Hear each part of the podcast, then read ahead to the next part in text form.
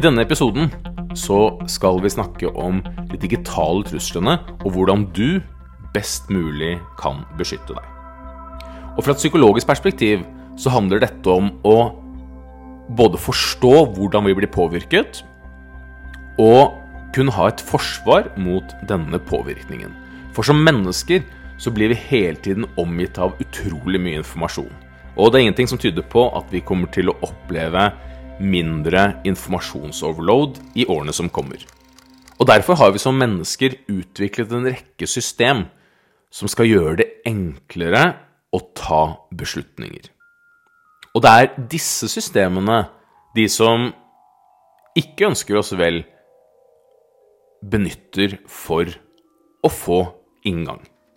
For det er slik at når man får mer og mer avanserte tekniske løsninger, så sier vi ofte at da er det mennesket som er den tilgjengelige angrepsvektoren. Vil si at du kommer ikke lenger inn i systemet hvis man ikke har en vei inn. Og der kommer en del av de nye begrepene som vi snakker mye om i dag. Sånn som phishing. Og vi kan jo oversette det på godt norsk med, med å fiske. Altså man fisker etter informasjon.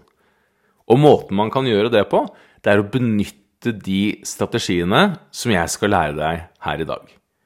Og kan du de, ja, så kan du også beskytte deg mot de. Det er tre faktorer vi skal fokus på. Og dette finner vi i det vi kaller påvirkningspsykologi. Vi har tre måter å endre andres perspektiv og sørge for at de handler på en måte som vi ønsker. Det er påvirkning, overtalelse og forhandlingsbaserte strategier. Påvirkning, overtalelse og forhandlingsbaserte strategier. Vi kan starte med det siste. Hvis virksomheten din har opplevd at alle dataene har blitt låst fordi at man har blitt utsatt for det vi kaller ransomware, altså at noen har plassert noe i ditt system som låser det, men som man da kan låse opp, ja, så vil man finne seg selv i en forhandlingssituasjon. Da er det helt klart kjent at denne situasjonen har oppstått, du er gjort kjent med det, og du forstår at denne dette trusselen, den, den, er der, og du må forholde deg nå til en motpart. Og her har vi da mange forhandlingsstrategier som vi kan benytte. Men det starter veldig lenge før det. Forskning både fra Microsoft og IBM og de store toneangivende aktørene på dette området, de gir oss skremmende informasjon. Og det det forteller oss, er at disse aktørene har ofte hatt tilgang til systemene våre over lang tid. Og her kommer også de to mest sentrale temaene, i hvert fall i år, og som har blitt trukket fram til det vi kaller sikkerhetsmåneden i 2022. Og det er det vi kaller phishing, og det er det vi kaller ransomware. Og phishing, det er å fiske etter informasjon. Ransomware, da har man fått tilgang, og man har fått låst systemene dine.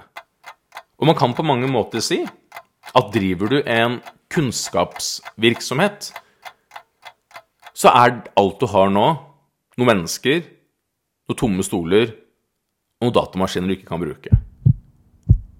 Du har egentlig ingenting. Og det er derfor vi er så opptatt av å finne ut hvordan vi kan beskytte oss. For det vi ser, er at selv om systemene våre blir mer avanserte, og kanskje fordi systemene våre blir mer avanserte, så forsøker man å komme til deres ansatte. Og da er vi på det det starter med, nemlig påvirkning og påvirkningspsykologi. Det er tre faktorer som gjør at vi blir påvirket. Og de er så ulike som de er like. Og de siste årene så har jeg jobbet med å holde foredrag og workshop for organisasjoner og ledergrupper i disse tre faktorene. Og da jobber vi med konkrete caser, og vi bruker disse verktøyene for å få erfaring med hvor lett de lar oss endre vårt perspektiv. Og det er rett og slett fordi at psykologisk så er vi hardwired til å handle på ulike måter. Møter du en trussel, så har vi ofte tre måter å håndtere det på. Fight, flight eller freeze. Enten så forholder du deg til denne trusselen og gyver løs på for å løse nå dette problemet. Nå er alle dataene våre låst. Eller så fryser du fordi at du rett og slett ikke vet hva du skal gjøre. Eller så forsøker du å løpe unna problemet og velger aktivt å ikke forholde deg til det. Utfordringen med cyber og digitale angrep er at det viser seg at så lite eller så mye som 50% av organisasjoner har eller ikke har en beredskapsplan for å håndtere en cyberhendelse. Og da kan du tenke Et sånt øvelse, mental øvelse, det er å tenke gjennom hvilke systemer er det dere bruker i deres organisasjon i dag. Så finner du en whiteboard, så skriver du de ned. Og så ser du på hvilke av de systemene er det som utfører hvilke oppgaver. Og så stryker du ut alle systemene og så kan du tenke at det er ingen av de som fungerer, at du ikke ført noen av oppgavene som dere møter i dag. I Østre Toten kommune, hvor det var et stort angrep, så fant de plutselig ut at 40 systemer var nede over natta. Og hva er utfordringen vår der? Jo, rett og slett at du da ikke har mulighet for å vite hvem som skulle vært på jobb. Hvem som har ferie. Du får ikke kjørt lønn. Du får ikke muligheten til å kontakte de menneskene som du da burde vært i kontakt med, fordi at du ikke får kjørt lønn. Og ingen av støttesystemene dere har, fungerer på noen som helst måte. Og da kan vi tenke de enorme konsekvensene av et angrep hvor noen låser dataene våre, og viktig det er å kunne identifisere tidlig påvirkningsforsøk. For vi vet nå mer og mer om denne type utfordringer. Og veldig ofte så har disse personene vært inne i systemene deres i lang tid. Og det starter med at man får tilgang. Og når systemene våre blir mer og mer avanserte, så handler dette om hvordan man kan påvirke mennesker. Og jeg har som sagt funnet 15 ulike faktorer man må kjenne til. Vi skal starte med de tre første, for det er knyttet til det vi kaller påvirkning og påvirkningspsykologi. Det er der det starter. I en forhandling så skjønner du at nå har vi et brudd, og vi står overfor en, en betydelig trussel mot virksomheten vår. Men i en påvirkningssituasjon så forstår man ikke at det er noen som forsøker å få ut denne type informasjon. Og vi har tre hovedfaktorer vi må kjenne til, og det er det vi kaller autoritet. Det er det vi kaller likhet, eller liking, som vi gjerne sier på godt norsk. Og det er det vi kaller gjensidighet, eller reciprocity. Og alle disse faktorene her det er faktorer som hvis vi ser bort fra autoritet, da, som gjør at vi fungerer i et normalt samfunn. Utfordringen på lang sikt med det digitale trusselbildet vårt er jo at vi kanskje kan få et litt kaldere samfunn. Fordi at vi må forvente og tro at de som interagerer med oss, de som tar kontakt med oss, de ønsker kanskje å skade oss. Og på sikt så vil vi nesten ikke kunne bruke e-postsystemene våre. Som en liten forsmak på hva vi har i, i vente. Men la oss starte med starten. Autoritet. Du får en e-post fra en person eller fra en organisasjon som har høy autoritet. Og i psykologiens verden så har vi forsket på hvor mye vi lar oss påvirke. Du kan se på et eksempel hvor du blir satt i en situasjon hvor du skal gi en annen person et støt. Hvis den personen svarer feil på et spørsmål, så skal du gi den personen et støt. Og de aller fleste vil tenke at det vil jeg jo aldri finne på å gjøre. For jeg er ikke en sånn person, jeg er en snill person. Og på samme måte så kan du tenke at jeg kommer aldri til å gi fra meg informasjon. Jeg kommer aldri til å oppgi passordet mitt eller personnummeret mitt eller ansattnummeret mitt eller innloggingsinformasjonen min, fordi at det ville jeg aldri gjort. Og det er nettopp det som er poenget. Det ville du aldri gjort, men er et angrep riktig skrudd sammen, så kommer denne informasjonen til å være tilgjengelig fordi at du ikke forstår at det er noen som forsøker å påvirke deg. Og det er sånn det er med kriser. Vi ønsker ikke å handle feil. Jeg har aldri møtt en eneste leder som sier at nå har vi en stor krise, og vi har egentlig ønska denne situasjonen. Det er ingen leder som ikke ønsker å håndtere en situasjon godt. Det er ingen politimann som ønsker å skyte feil vei. Det er ingen pilot som ikke ønsker å gjøre det aller, aller beste, eller en kaptein som ønsker å Alle ønsker å gjøre det som er riktig. Men det vi ser, er jo at du tror du gjør det som er riktig, men så gjør du noe som er fullstendig feil. Og så befinner både du og virksomheten seg i en krise. Og du tror kanskje at du aldri ville gitt den personen det støtet. Og eksperimentet så var støtene rangert etter mild, et mildt støt til et dødelig støt.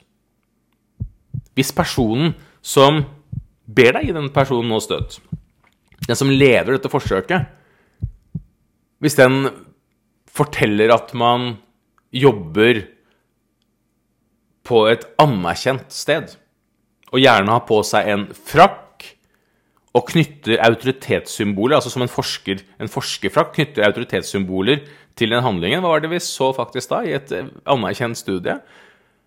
At veldig mange gir den personen et dødelig støt fordi at man lar seg påvirke. For autoriteten er så sterk. Så når noen spiller på sin autoritet i organisasjonslivet, så må det være sånn, for det er lederen din som Vi alle har en leder vi må svare til. Jeg har det ikke, men de aller fleste har det. Og hvis du nå får en e-post Det er en fin sommerdag, og du får en e-post som ser ut til å komme fra administrerende direktør i selskapet hvor du jobber, og der får du beskjed om å raskest mulig laste ned en fil for å gå gjennom den, for man trenger en umiddelbar tilbakemelding, så ville det vært veldig mange flagg som hadde reist seg, og alarmer som hadde gått av. Men hvis du i tillegg har dårlig tid For det ene er autoritet. Så personer som fremstår ha en autoritet, det kan være noen som kommer på arbeidsplassen din og har kledd i uniform. Og det har vi også veldig mange eksempler på. Situasjoner hvor noen kommer kledd i uniform, og vi da umiddelbart tenker at de har en lovlig tilgang. Bare der så lar vi oss påvirke. Det trenger ikke å være en uniform trenger ikke å være en politiuniform. Trenger ikke å være en lege eller en forsker eller en postmann, for den saks skyld. Personer som har en autoritet knyttet til sin stilling. Men du kan bare tenke selv hvis du er på et selskap, og så snakker du med en person, sier den personen at jeg jobber som kirurg på Oslo universitetssykehus. Eller så sier den samme personen jeg jobber som rørlegger. Hvem av de personene har du mest respekt og tillit til når du snakker med den personen videre? Så kan du alle sammen si at jeg har like mye respekt og tillit til andre, til alle mennesker jeg møter, men det er ingenting som tyder på det. Så den personen som sier at jeg jobber som overlege på Oslo universitetssykehus, da smitter litt autoriteten over fra vedkommendes stilling til den samhandlingssituasjonen som du står i, selv om den autoriteten ikke har noe å gjøre i den situasjonen. Så bare det at du snakker med en person som gir inntrykk av å ha en høyere status, gjør deg lettere påvirkningsbar. Så det du må tenke på når jeg nå får denne henvendelsen fra en person som har høy autoritet i utgangspunktet, eller noen som ønsker å gi uttrykk av å ha en høy autoritet, er den reell i denne situasjonen? Det er det første du må tenke på. Nå får jeg denne e-posten fra sjefen min, og vedkommende har tidligere sagt at vi aldri må åpne vedlegg som blir, som blir, sendt på mail, med mindre vi også har kontrollert det på telefon. La oss si at du hadde hatt, sånn, hatt det sånn på din jobb. Men så sier vedkommende i tillegg, står det i mailen, som ser helt reell ut, så skriver også vedkommende har veldig dårlig tid, må gi meg tilbakemelding innen fem minutter. Så autoritet er det ene vi spiller på. Det andre, det er scarcity, eller knapphet. Og da ser vi at vi har veldig mange verktøy, og vi har totalt 15. Så autoritet, og så legger vi på et element i tillegg, så er det nesten umulig å stå mot denne påvirkningen. Men nå er vi ferdig med autoritet. Det andre, det er liking, og det er det motsatte. Det er denne veldig, veldig hyggelige rørleggeren som du snakker med den litt hovne overlegen Nei, vet du hva, han syns du ikke noe særlig om. Men denne veldig hyggelige rørleggeren syns du er kjempetrivelig å snakke med på denne festen. Og hvem er det vi liker? Vi liker de som er mest mulig lik oss selv. Og her har vi mange kommunikasjonsteknikker som vi kan lære oss, som gjør at vi kommuniserer på samme måte, med samme stil, som den personen vi møter. Det er ekstremt kraftfullt i salg og markedsføring. Og vi bruker det også i gissel- og kriseforhandlingsteknikker. Så det ene er autoritet. Det andre er likhet eller liking, at du snakker med en person som du faktisk liker. Og nå blir det jo enda vanskeligere, for nå møter du en person som er veldig hyggelig. Og det er denne telefonen som du nå får. For denne personen som er veldig, veldig hyggelig, bruker gjerne fornavnet ditt og sier at nå har vi kanskje konkurranse. Du har kanskje blitt trukket ut. Det er kanskje noe du skal få. Og selv om du tenker at det hadde jeg aldri vært med på, ja, så har vi en del strategier som vi kan legge inn i en slik situasjon, som øker påvirkningen fra rundt 4 til rundt 40% Så hvis vi gjør dette riktig, og det er det mange som har kompetanse til å gjøre, så er påvirkningsmuligheten vår enorme. Og du vil kunne bli påvirka med høy sannsynlighet med rundt 40% fra null. Og det er ganske skremmende. Så vi blir påvirket av autoritet, vi blir påvirket av de personene vi umiddelbart føler vi er ganske like. Og jeg kan røpe én av teknikkene som vi bruker, det er noe vi kaller speiling. Altså at vi kommuniserer på en måte som er mest mulig lik den personen vi møter. Du kan prøve det ut selv og finne at du vil da få en veldig god relasjon, om det er med svigermor, eller om det er med en kollega eller en venn eller en person som du kanskje egentlig ikke har noe særlig god relasjon til. Prøv å speile vedkommendes kommunikasjon, så vil du se at det skjer noe med samhandlingen, det skjer noe med opplevelsen av å være sammen med den personen. Det siste vi har, det er også det som gjør at vi mange steder har gode grunner til å si at vi tar ikke imot gaver, eller vi har ikke lov å ta imot noe på min jobb. Og det er det vi kaller reciprocity. Og reciprocity det handler om å skape en opplevelse av gjensidighet. Og denne opplevelsen av gjensidighet, den er der for å påvirke deg. Det er derfor den er lagd. Og i hverdagen så er det jo gjensidigheten som gjør at du har en god relasjon til naboen din. Du har en god relasjon til kollegaene dine, til venner, fordi vi hjelper hverandre. Og når noen hjelper deg, så hjelper du den personen. Men her benyttes det mot deg. De første som begynte å se på hvor stor betydning dette har Det har sikkert vært mange andre, men det første jeg husker veldig godt, det var Hare Krishna-bevegelsen. Hva var Hare Krishna-bevegelsen? De lever av almisser. Og de fant ut at de hadde rett og slett litt dårligere kår for å få almisser. Så bare det å spørre om å få en almisse det ga seg selv en dårlig respons. Så hva gjorde de? De ga deg først en flott blomst. Og så spurte de Kun tenke deg å, å gi noe til oss. Og hva skjer da? Når du får denne blomsten, så skapes det et behov for å gi den tilbake. Og det er i denne situasjonen du også vil kunne bli påvirket til å gi fra deg informasjon uten at du egentlig er klar over det, og uten at du ønsker å gjøre det.